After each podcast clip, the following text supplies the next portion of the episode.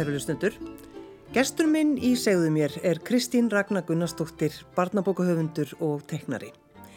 Við ætlum í þættinum að halda upp á dag barnabókarinnar. Það eru yppi samtökin á Íslandi sem skipleggja þennan ágæta dag. Á ári hverju er ný íslensk smásaga frumflutt samtímis í öllum grunnskólum landsins. Þannig að nákvæmlega núna munur rúmlega 40.000 grunnskólanemar leggja við hlustir. Kristín Ragnar Gunnarsdóttir, gjör svo vel.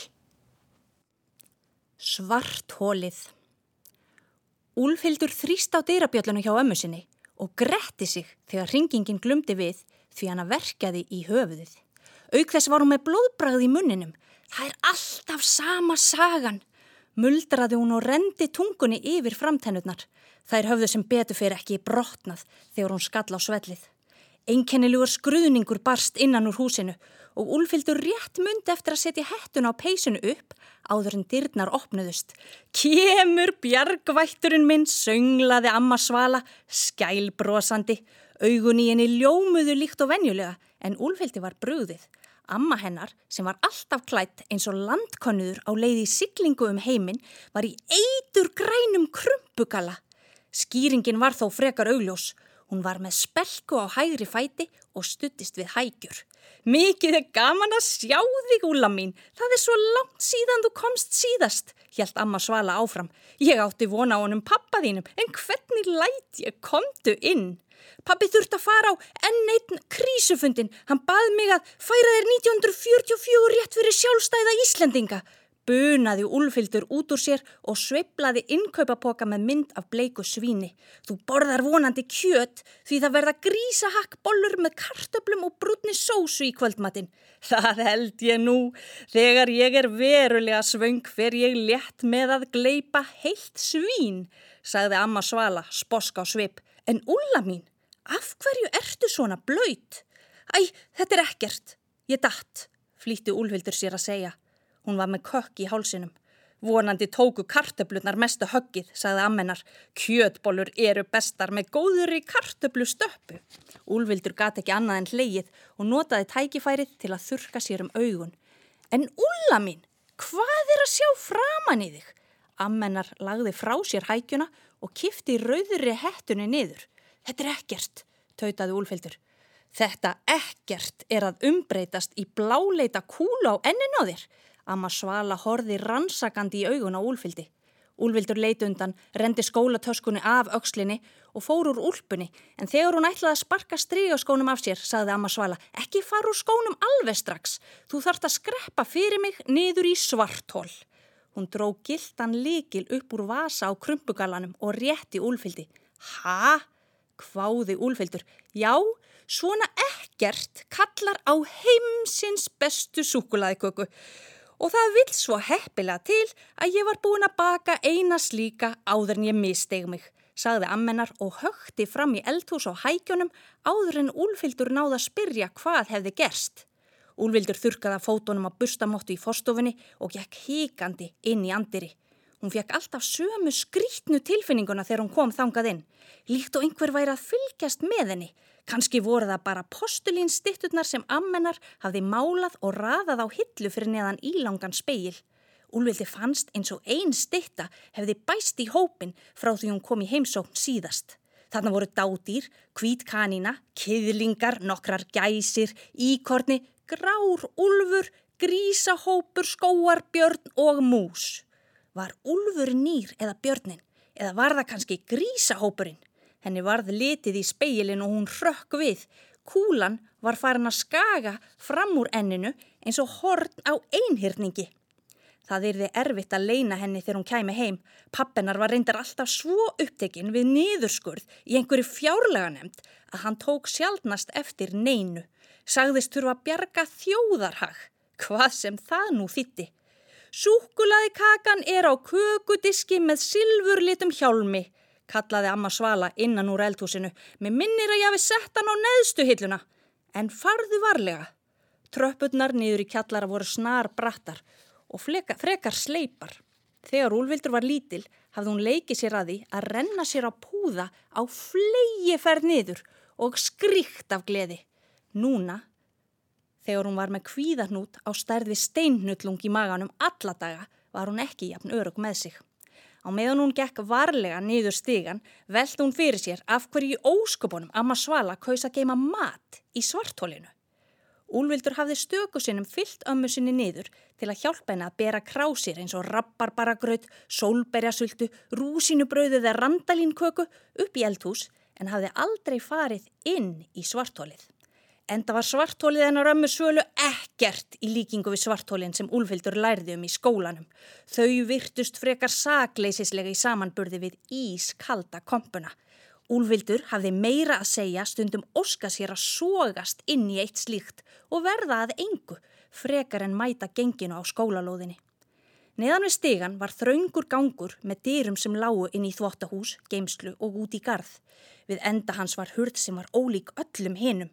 Hún var helmingilægri eins og hún væri ætluð dvergum og handan hennar leindist svartólið. Amma Svala þurfti að beigja sig í keng til að komast inn um dittnar, samt var hún engin risi. Þegar Úlfildur nálgæðist svartólið fór um hana hrodlur. Það kvartlaði að henni að snúa við en hún vildi ekki bregðast ömmu sinni. Svo var hún líka alveg til í kökusneið eftir það sem á undan hafði gengið. Hún stakk liklinum í skrána og opnaði dyrnar varfærnislega, líkt og hún ætti vona á að vargur stikki út. Það gerðist ekki, en kuldin sem gauðs á mótenni var svo megn að hún greip andan á lofti. Aug þess var niða myrkur í svartólinu, eins og nafnið gaf til kynna.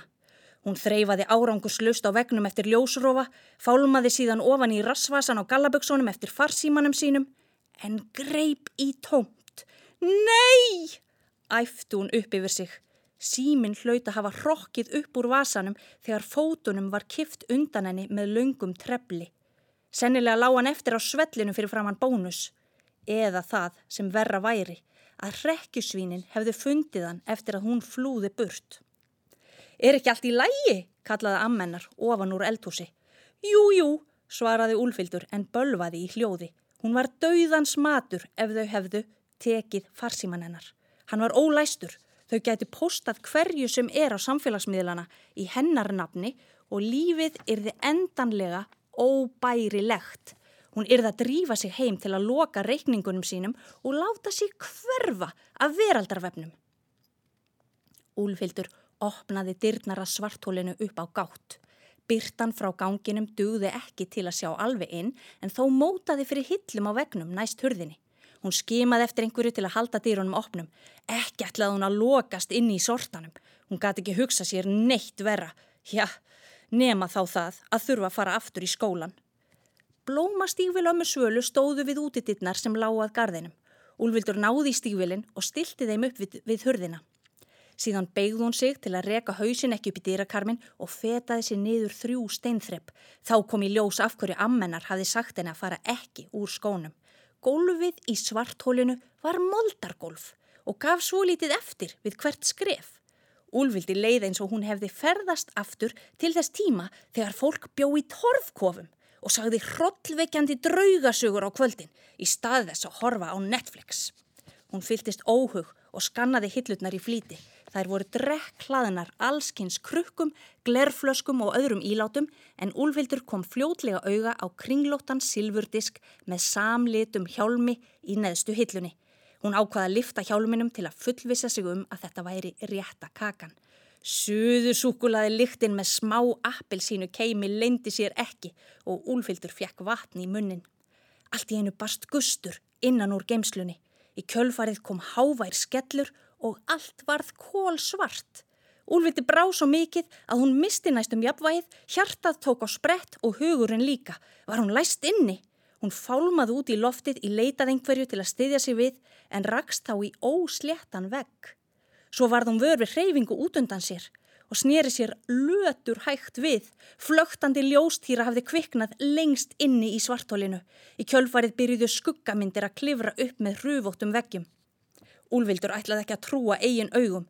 Hurðin var horfin og hillutnar líka á samt öllu sem í þeim var. Allt nema silfurliti köku hjálmurinn sem Úlvildur var enn með í annari hendinni. Hún virtist stött í helli. Hafði hún fengið heilaristing þegar hún datt á svellið eða var hann að dreyma? Nú sá hún ekki betur en verið væri að tendra bálkost við, við hellismunnan og handan varðeldsins grilti í heiminin. Önnur skuggavera bættist í hópin og lagði nokkrar trjágreinar á bálkostin og síðan enn önnur. Þegar lógin tók að dansa settust þær allar þunglega á afturendan og tegðuðu fram hendurnar til að hlýja sér. Eða voru þetta hendur? Furður lostinn mjakaði úlvildur sér nær. Bjarmirn frá eldinum lísti framann í kringluleitar skuggaverurnar. Þær voru með framstætt tríni, stór eiru og lítil augu. Þetta voru gríslingar. Einn var með röndóta prjónahúfu á höfðinu, annar með högutopp og sá þriðji doppóta þverslaufu og það sem meira var, þeir voru að tala saman. Úlfildur lagði við hlustir. Hvað kom eiginlega fyrir stráhúsið þitt? Spurði grísin með högutoppin, húfuklætan sessunautsinn. Ha, ekkert, svaraði sá og dró prjónahúfuna niður fyrir eiru. Af hverju ertu þá hér? Æ, það kom smá góla og velti því um koll. Það var hvort sem er komin tími til að stækka við sig, saðan. En af hverju fluttir þú út úr bjálkakofanum þínum? Þú sagðir að kofin væri sérlega tröstur. Ó, hann var orðin aðeins og af þraungur og liðaðist í sundur í vestanvindi. En þú, sagðan og snýri sér að þriðja grísnum. Múrsteinshöllin þín átt að þóla öll veður. Það er allt í góðu lægi hjá mér, týsti hann. Nú, hváðu hinnir. Já, húsið var reyndar byggt á sandi svo það þóldi illa kvassviðri en... Allt í einu hætti grísin að tala og hnusaði út í loftið. Finniði lyktina? Sá húfuklæti dróað sér andan. Mmm, já, þetta er ilmurinn af heimsins bestu súkulæði köku.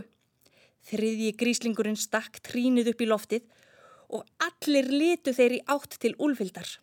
Hún fröys í spórunum en þeir snýru sér fljótlega aftur að varðeldinum og keftust við að sannfæra sjálfa sig og félaga sína um að allt væri í himnalægi þrátt fyrir að þeir væru heimilis lausir. Hvað var í gangi? Grísirnir virtust ekki koma auða á hana. Var hún orðin ósýnileg? Úlvildur lagði gljá fægðan kökuhjálmin frá sér og lættist meðfram klettavegnum út á sillu framann við hellismunan, án þess að svínin svo mikið sem letu upp. Hún fikraði sig út að brúninni og tók andköf. Hellisskútin gnæfði hátt yfir þjættum skógi sem tegði sig eins langt og augað eigði. Stígur hlikkaðist í gegnum skógin líkt og snákur, alla leiðað skóar jæðrinum beint fyrir neðan klettavekkin. Þaðan lág einstíu upp með snar brattri hlýðinni og þrátt fyrir að farið væri að rökva kom úlfyldur auga á eitthvað læðast upp stíin. Hún fyldist með því færast nær og nær þar til henni hætti að lítast á blikuna. Halló, halló, hérna, eigði nokkuð von á gesti? spurði hún gríslingana en fekk ekkert svar. Þeir voru nýður soknir í að tala um veðrið sem þeim fannst hafa versnað til muna undanfarið. Hún baðað út höndunum og galaði, það er einhver að koma! En grísirnir síndu engin viðbróð, þeir heyrðu ekki í henni. Úlvildur riksaði ráðalös aftur inn í hellin og svipaðist um eftir góðum felustað. Kanski gæti hún nýpra sig saman, lagst í dvala eins og skóarbjörn og láti sem þetta væri ekki að gerast. Hún settist niður við hellisvekkin og leiti yfir til grísana sem heldu áfram að ræða tíðarfarið. Skindilega sá hún hvar stærðarinnar úlfur röldi makindalega inn á klettasilluna. Grísirnir þrýr hrukku í kút en Úlvildur þrýsti sér upp að vegnum, skelvingu lostin. Svo það er hér sem þið haldið ykkur beikon borgararnir, sagði Úlfurinn, eitur hress. Hjelduði að ég mynd ekki renna á lyktina. Þökk sé mér, þá hafið þið ekki lengur í neyn hús að venda. Talandi um að á móti blási Hann hló tröllslega, ég bara másaði og kvásaði og reysin fugum koll, ekki aðeins einu sinni, ekki tvísvar, heldur þrísvar sinnum, það svín virkaði. Úlfurinn tók bakföll yfir eigin hót fyndni og grísirnir virtust skreppa saman. Það vísu er úr mér allur vindur, en leiknum er lokið, því þið eruð allir komnir út á gattin og í fangið á mér. Eigum við kannski að steikja okkur smá fleskesteig, eins og Danirni kallaða. Hláturs rókurnar stigmögnuðust þar til Úlfurinn stóð á öndinni. Var það hann sem rústaði kofa skriflunum ykkar? spurði grísin sem áður bjó í múrsteinshöll. Hinnir hnussuðu móðgæðir en litu svo vandraðilegir hvor og annan og kinguðu kolli. Akkur komið ekki til mín? Höllin hefði hæglega rúmað okkur alla. Ég var með heitan pott og allt. Hann hótaði mér, tautaði sá með prjónahúfuna. Ég varð svo lítill í mér, kvíslaði hinn og tógaði í hökutoppin. Þið eruð alltaf svo uppteknir. Ég vild ekki trubla. Æ, ég veit, ég skammaðist mín líka fyrir að vera hrættur við vargin, sagði Hallar grísin og lagaði þverslaufuna blóðrauður í framann. En það er hann sem ætti að skammast sín, ekki við. Nú stöndum við þjætt saman, sagði Bjálkakofa grísin og byggjum okkur rísastórt glerhús, bætti fyrverandi strákofa eigandin við. Svo sungu þeir allir í kór stórt knús og fjallust í faðma. Úlfurinn slekti út um. Passið ykkur! æfti Úlfildur en það var til lítils því grísirnir hvorki sáu hana nýja heyrðu. Og áður en hún gatt nokkuð að gert hafði Úlfurinn opnað gríðar stóran kjaftin og gleift þá. Einn af öðrum í heilu lægi. Aðeins röndótt að prjónahúfan lág eftir á klettasillunni til minningar um grísina þrjá. Úlvildur greip fyrir munnin til að kæfa óp en úlfurinn lagðist afvelta á bakið, slikti á sér grottalega hrammana, krækti í húfuna og tróð henni yfir höfuðið. Hann virtist ætla að taka sér smá lúr eftir grísaveisluna. Reyðin stigmagnaðist í maganum á úlfildi og hjartað sló svo hratt að blóðið suðaði fyrir eirunum. Hún tók kökuhjálmin upp og slengd honum af krafti utan í veggin. Kvellur hljómurinn bergmálaði um hellin. Úlfurinn rökk upp með andfælum. Hver er þar? Spurðan, reif af sér prjónahúfuna og velti sér þunglamalega á fætur, líkt og hann hefði getið þrjá grjót nullunga. Leinist ég kannski einn skinkurúlan til, spurðan og rindi inn í hellin. Úlvildur beit á jakslinn og hert upp hugan. Nú hafði þó loksins heyrst til hennar. Hún kynkti óttanum og steig fram með silfurlitaðan kökuhjálmin sem skjöld. Bjarmin frá eldinum endur kastaðist af kökuhjálminum og gullin glampi sindraði í augum úlfsins. Hann rak nefið upp í loftið og slef taumar lágu út um munvikin á honum. Er það ærandi lyktin af heimsins bestu súkulaði köku sem ég finn? Urraðan og setti undir sig hausinn. Síðan stikað hann í átt til úlfildar með opið genið. Hún stóð sem lömuð og fyldist með úlfinum sem kom nær og nær og nær. En þegar hann var komin það nálagt að úlfildur gatt séð flug beittar tennurnar í honum, rak hann snarlega í rógastans. Úlfildur helt niður í sér andanum en vargurinn virtist ekki hafa augastað á henni. Hann starði á eigin speilmynd í kökuhjálminum Glirnurnar glendust upp og stór eirun lögðust aftur. Svo gaf hann frá sér umt kvolpavæl og snýrist á hæli. Garmurinn var svo hrættur við grimmilegt greppitrínið að hann flúði með skottið á milli afturlappana út úr hellinum og framhjá kulnandi varðeldinum. Þegar hann ætlaði að taka beigju, niður stíin, vildi ekki betur til en svo að hann skransaði og misti jafnvægið. Enda búin að bæta all hressilega á sig miðjan. Úlfurinn vó salt á klettabrúninni, eitt andartak, svo vald hann framaf. Skaðræðis spangólið dó smám saman út og það gerði varðeldurinn líka. Úlvildur flegði kökuhjálminum frá sér og ætlaði að rjúkin í hellin, staðráðin í að finna leiðina aftur til ömmu sinnar en fæturnir vildi ekki hlýða og hún flög fram fyrir sig. Ennið skall á stórgríti, allt ringsnerist og varð svart. Úlfildi fannst myrkrið ætla að gleipana, líkt og svartól.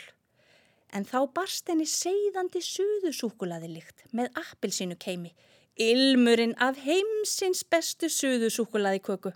og Úlfildur risti sig á fætur og hjælt af stað í áttað köku ilminum þrátt fyrir að sjá varla handa sinna skil. Skindilega glitti í gildan hurðar hún, svo sá hún að hillurnar voru aftur komnar á sinn stað. Úlvildur greip silfurlitaðan kökudiskin í fangið, rikti hurðinu upp og stökk fram á gang. Ljósi var svo skært að hún fekk ofbyrgt í augun. Hún gætti þess þó að loka kyrfilega á eftir sér og sneri liklinum í skranni. Síðan stakk hún honum í vasan og skilaði blómastífulum ömmu svölu sem hefði fallið á hliðina aftur á sinn stað. Úlla mín, er ekki allt í lægi? Spurði ammennar þegar Úlfildur kom móð og másandi upp í eldhús. Nei, tilkynnti Úlfildur og skellti kökudiskin á mitt borðið. Það er ekki allt í lægi. Því næst settist hún niður, skar sér sneið af dúnmjúkri súkulaði kökunni, fekk sér fyrsta bitan, lingdi aftur augunum og hóf að segja ömmu sinni frá þremenningunum sem höfðu verið að hrella hana í skólanum. Amma hennar lagði við hlustir, saup öðru kvóra á kaffinu sínu og kinkaði kolli alvarleg á svip. Eftir að hafa heyrt alla söguna rétt hún úlfyldi rauðan farsíma. Ég gerir ráð fyrir að þú eigir þennan. Hann lá á botninum á bónuspokanum. Úlfyldur greip farsíman sinn, feigins hendi. Vilt ekki eiga við hann pappaðinn nokkur orð? Það er tímabært að sónu minn fara að rækta gardin sinn í stað þess að stunda skóarhögg í frum skói fjármálana, sagði amma Svala. Nú var komið að úlfyldi að kinga kolli og hún ringdi í pappa sinn og sagði honum skjálfandi röttu frá því hvernig bekja félagar hennar hafðu lagt hana í einelti síðan skólinn byrjaði um haustið. Pappennar lofaði í algjöru fáti að slíta fundinum og koma í grænum kvelli. Að samtalenu loknu sög úlfyldur upp í nefið og hámaði í sig afgangin af kökusneiðinni. Mm, umlaði hún og fann sælu ströym fara um sig alla. Já, heimsins besta súkulaðkaka er ævintýralega góð, sagði amma hennar. Og ilmurinn er svo lokkandi, sagði úlfyldur. Vonandi hefur kakan líka lækningamátt, sagði amma Svala. Ég get ekki beðið eftir að komast aftur á ról. Hvað kom eiginlega fyrir, spurði Úlfildur og fekk sér mjölkursopa. Æ, ég missteg mig í fjallgöngu. Algjör klaufaskapur. Ég mátti þakka mínu sæla fyrir hver stutt var heim, annars hefði getað farið ílla. Ha, af hverju? Úlfildur lagði glasi frá sér. Já, Ég var á leið upp bratta fjálslíð með fulla bastkörfu af dýrindi sveppum sem ég hefði tínt á skóarbotninum þegar ég snýri á mér öklan. Ég misti körfuna og hún vald niður stíin og þar sem ég satt og var að nutta á mér fótinn kom ég auða á gráan úlvaðins neðar á stíknum. Heldur hann hafi ekki bara verið að háma í sig alla sveppina eins og ekki. Gert væri sjálfsagðara, sagði amma úlfildar á insóinu. Vargurinn virtist frekar óárennilegur en ég hefði enga síður staðið í lappirnar og skammaðan fyrir ósvipnina. Hefði ég ekki verið hálf fótlama. Það er gott og blessað að vera kjarkaður en stundum getur verið lífsnauðsynlegt að vera hrættur og því skröldi ég tóm hendingað heim eins hratt og ég komst. Úlfildur gafti. En Úlla mín, Þú áttir eftir að segja okkur pappaðínum líkil atriðið, það sem geti listig undan þessari áþján.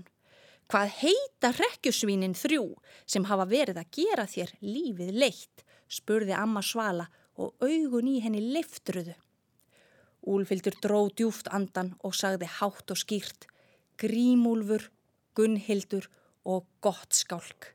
Og það var líkt og hún hefði losnað úr álugum því kvíða núturinn í maganum var horfin.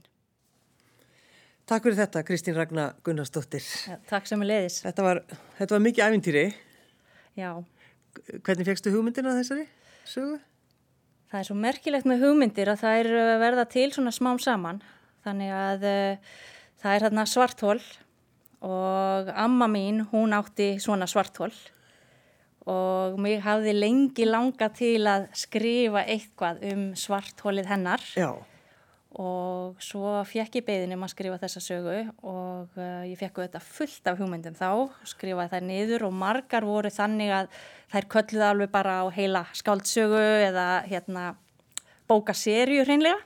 Þannig ég varð að velja úr svona og það var annað sem að mig hafði lengi langa til að gera líka og það var að svona vísa í ævintýrin því að ég las ævintýrin alveg grimt þegar ég var krakki mm. og þau höfðu bara mikil áhrif á mig og þarna í raun og veru blanda ég saman annars vegar þessi ást til ævintýrana og síðan þessi hugmynd með svarthólið hennar ömmu minnar. Svarthólið? Hva, hvar var svarthólið hennar ömmu minnar? Það var niður á ægisíðu. Já, og, það er sko, var, það eiga allir einhver, einhver svona minningu. Já, já, já, og þessi er mjög sterk og, og ég var bara þessi, svona þetta fræ var búið að, að vera lengi svona í brjóstin á mér að fást í þetta og þannig kom tækifæri hvað er í svartólunni, þetta er alltaf, þetta er alltaf spurning.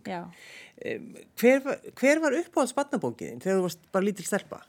Sko ég var hérna, ég ólst upp uh, til að byrja með í London og flutti síðan til Bandaríkjana, til Kaliforníu og síðan til Íslands. Þannig að ég var nú svo lánsum að ég kynntist barnabókum frá ólíkum löndum og fjek, hafði þar leiðandi aðgang að mjög mörgum margs konar barnabókum því að svo fekk ég líka sendar barnabækur frá Íslandi en svo barnabók sem að var í mestu uppáhaldi hjá mér er Lísa í undralandi og það er auðvitað pínu vísuna í hana í þessari sögu. Já, aðeins. Já, en það eru margar aðrar sem eru mér hjartfólknar og meðal annars hérna Elsku Míóminn og bróðminn Ljónshjarta og Hobbitinn auðvitað. Já og fleiri og fleiri. Þegar þú sko kemur við þessar bækur, Já. þessar gömlu bækur og eh, ég veit ekki hvort þú eigir það ennþá. Ég á nokkrar. Já, þessi tilfinning þegar maður kemur við gömlu bækurna sem maður elskaði. Já. Er, þetta, er, þetta er einstök tilfinning. Já, þetta er í pínu galdramáttur. Maður ferðast aftur í tíma og síðan tengist maður aftur við þessar tilfinningar sem að eh, eru svo sterkar þegar maður er að lesa ævintýri sem bann. Já lestrar upplifunin hérna, sem að verður fyrir þegar maður er að lesa sem barn, hún er ótrúleg og það er auðvitað hún sem ég er alltaf að reyna að tengja við þegar ég er að skrifa og teikna. Mm. Ég er að reyna að búa til verk sem að gætu mögulega vakið upp einhverja sambærilegar tilfinningar með lesendum mínum. Mm. Það er svona draumurinn. Já, og það er svolítið einmitt skemmtilegt þegar, maður, þegar þú talar um þetta fletta gamlum bókum sko maður sér kannski einhver svona bletti og veit að maður sullaði kakóbletti eða eitthvað svo leiðis. Já, Já, mínar eru sko útkrótaðar. Ég byrjaði strax að myndskreita þær. Já, þannig að hérna, það greinlega fylgist engin með mér þegar ég var að fletta bókunum mínum. Þannig ég teiknaði í þær alveg þannig að þær eru allar útkrótaðar og, og ég er búin að teikna myndir á allar auðu síðurnar í bókinni sem koma kannski fremst og aftast og eitthvað svona þar er ég búin að bæta við Já, þannig að þú gast í rauninni þó þú hefðir reynda Kristín Ragnar Gunnarsdóttir þá bara þú gast ekki farið frá teiknaranum? Nei, Nei. Það, og, og þetta að, að svona vera í sagna heimi mm. það er þetta með frásögnina sem að er bara, ég, hún hefur alltaf fyllt mér og e, nú hef ég unnið við allskynns verkefni en það eru þessi verkefni sem að tengjast sögum sem að skipta mig mestu máli mm. En þú byrjar er það ekki sem sko þú ferði í myndlist á handíðaskólan og þú ákveður það að verða tegnari Já. Hvenar gerður þú grein fyrir því að þú getur skrifað?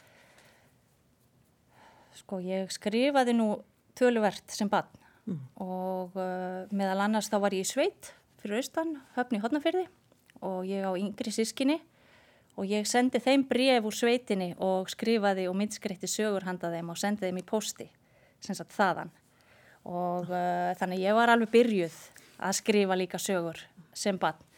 Svo var þetta svo stert í mér að ég vildi vinna við alveg skapandi vinnu það er alveg gríðarlega sköpunar þörf mm. hefur alltaf haft, alltaf verið að búa eitthvað til og, og eitthvað svona þannig ég var bara staðræðan í að fara í þannig nám að ég gæti unnið fyrir mér með því að skapa og fóri í myndlist á handíðaskólan en mér langaði síðan í framhaldi að fara í frekara nám þar sem ég gæti tengt saman þetta rillist og, og teikningu mm. og ég gerði það þannig að meðfram teiknivinu að þá stundaði ég námi í bókmyndafræð og rillist við háskólan og byrjaði þar strax að skrifa þá á fullu eftir að ég kláraði sagt, námið í myndlistahandiðaskólanum og svo fór ég nú í meistaranám í rillist núna bara ekkit fyrir löngu síðan, útskrifast 2016. úr því námi. Já, þannig að sko þú tekur þessu ákvörðun bara snemma og hugsa, ég, þetta er það sem ég ætla að gera. Já, ég sko, þegar ég var uh, í gagfræðskóla þá fekk maður svona tækifæri til að fara í starfsnámið að solis í viku og þá fór ég niður í Yðnó, Yðnó leikhúsið. Þá var leikfélag Reykjavíkur þar til húsa og þá var ég ákveðin í að vinna við leikmynd og búningahönnun og mm. þá fannst mér svo spennandi þetta að tólka heiminn og allt og, og draga inn þessa sögur á þannhátt. Svo bara smám saman þróast þetta og nú vil svo skemmtilega til að ég er að vinna leikrit upp úr einna barnabókunum mínum fyrir þjólikúsið þannig að nú er ég mögulega að fara að stíga aðeins inn í leikúsið eftir, eftir þetta allt saman. Já, þannig að það, þú græður á því, þú fórst þarna í starfskynningu í gamla dag. Hvaða, hvaða sagar þetta? Úlfur og Edda. Sagt, það er bókaserja sem ég skrifaði og uh, fyrsta, heit, fyrsta bókin heitir Úlfur og Edda dýrgripurinn mm -hmm. og þetta verður sagt, leikrit sem byggist að mestu leiti á þeirri bók. Um hvað fjallar hún? Hún fjallar um tvö börn sem að finna göng í skálholti. Þar í gamla daga var ganga kerfi undir öllum húsunum þar og þau fara ofan í þessi göng og þegar þau koma upp úr göngunum þá er þau komin í goðheima og við erum komin í sagt, heim norrætna goðsagna. Og þar kynast þau personum norrætna goðsagna og þar speikla ég raun og veru þeirra fjölskyldu aðstæður, þau eru úr svona samsettri nútíma fjölskyldu, kemur ekkit endilega vel saman og síðan eru allskynns fjölskyldur í norrænum goðsögnum. Þannig að þar glíma goðin við alls konar vandamál sem eru mjög lík okkar vandamálum og þau kynast hinnum ímsu personum þar og komast svo að lókum aftur heim í Skálholt og síðan er taka við tvær bækur í viðbót og ég ætla nú að skrifa fjörðu bókina líka. Já, það er þessi ævintýri, þú, þú ert bara í ævintýru. Já, Já, svo sannarlega.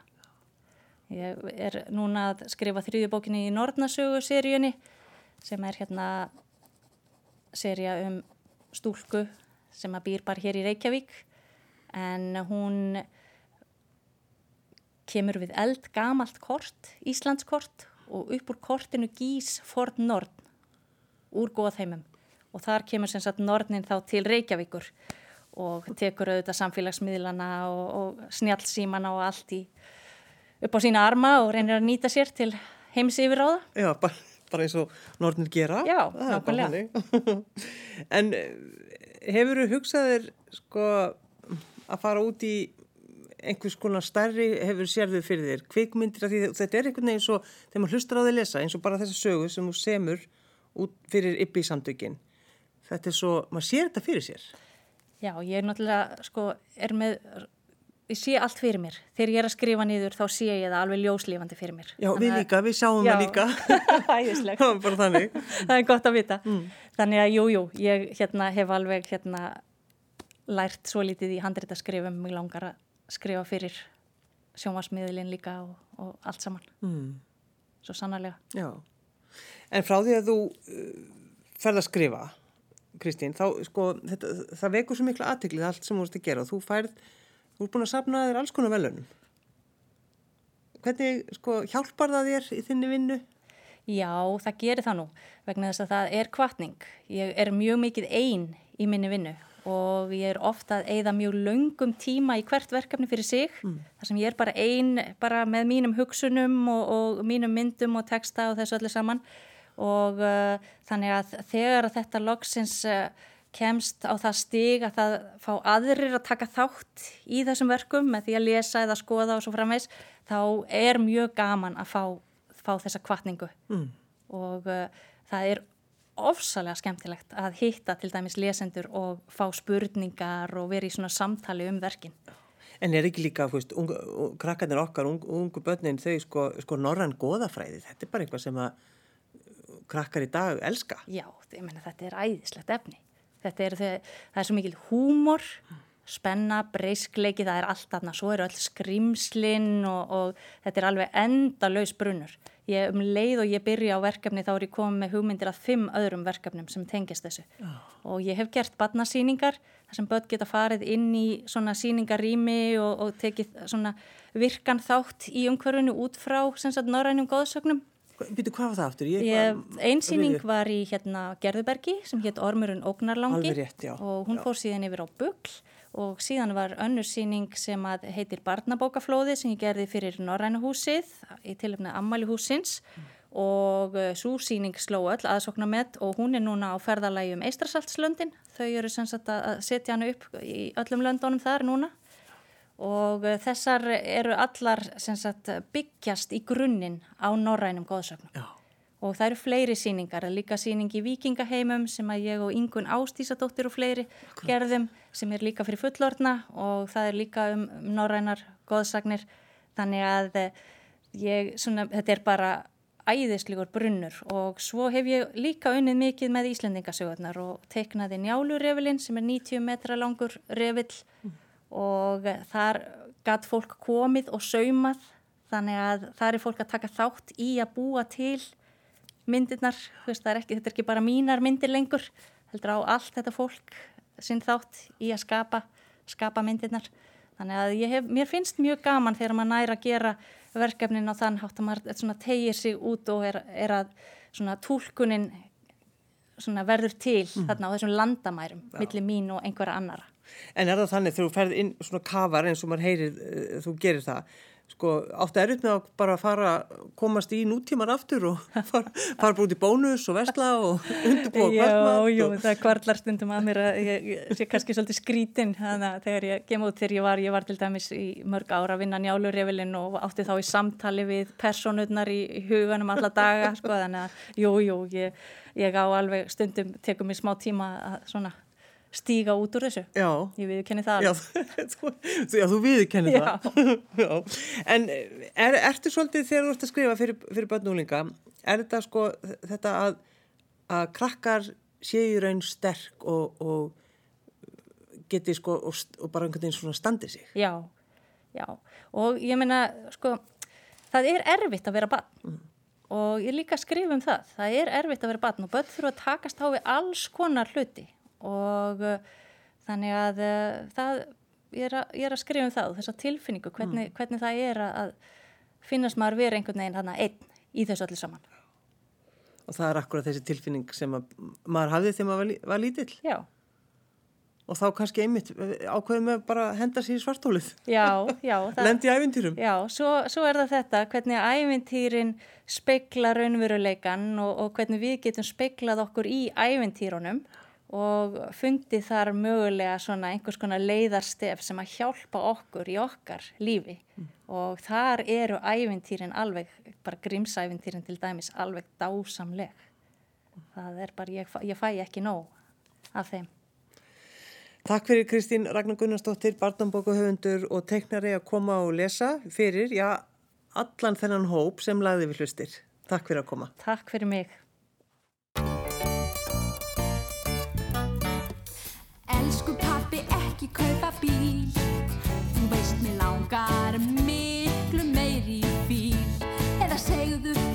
til að mynda hjól. Við gætum rúlað híglust heimsum ból. Þú veist þú bara stressast ef ekkur þú í bíl. Þitt hjarta fer í krans á rauðu ljósi. Er kemur heim á kvöldin, þú líkist krokodíl. Og allir fari steig og sjónvartir á settinu við Pappi sá um matinn, það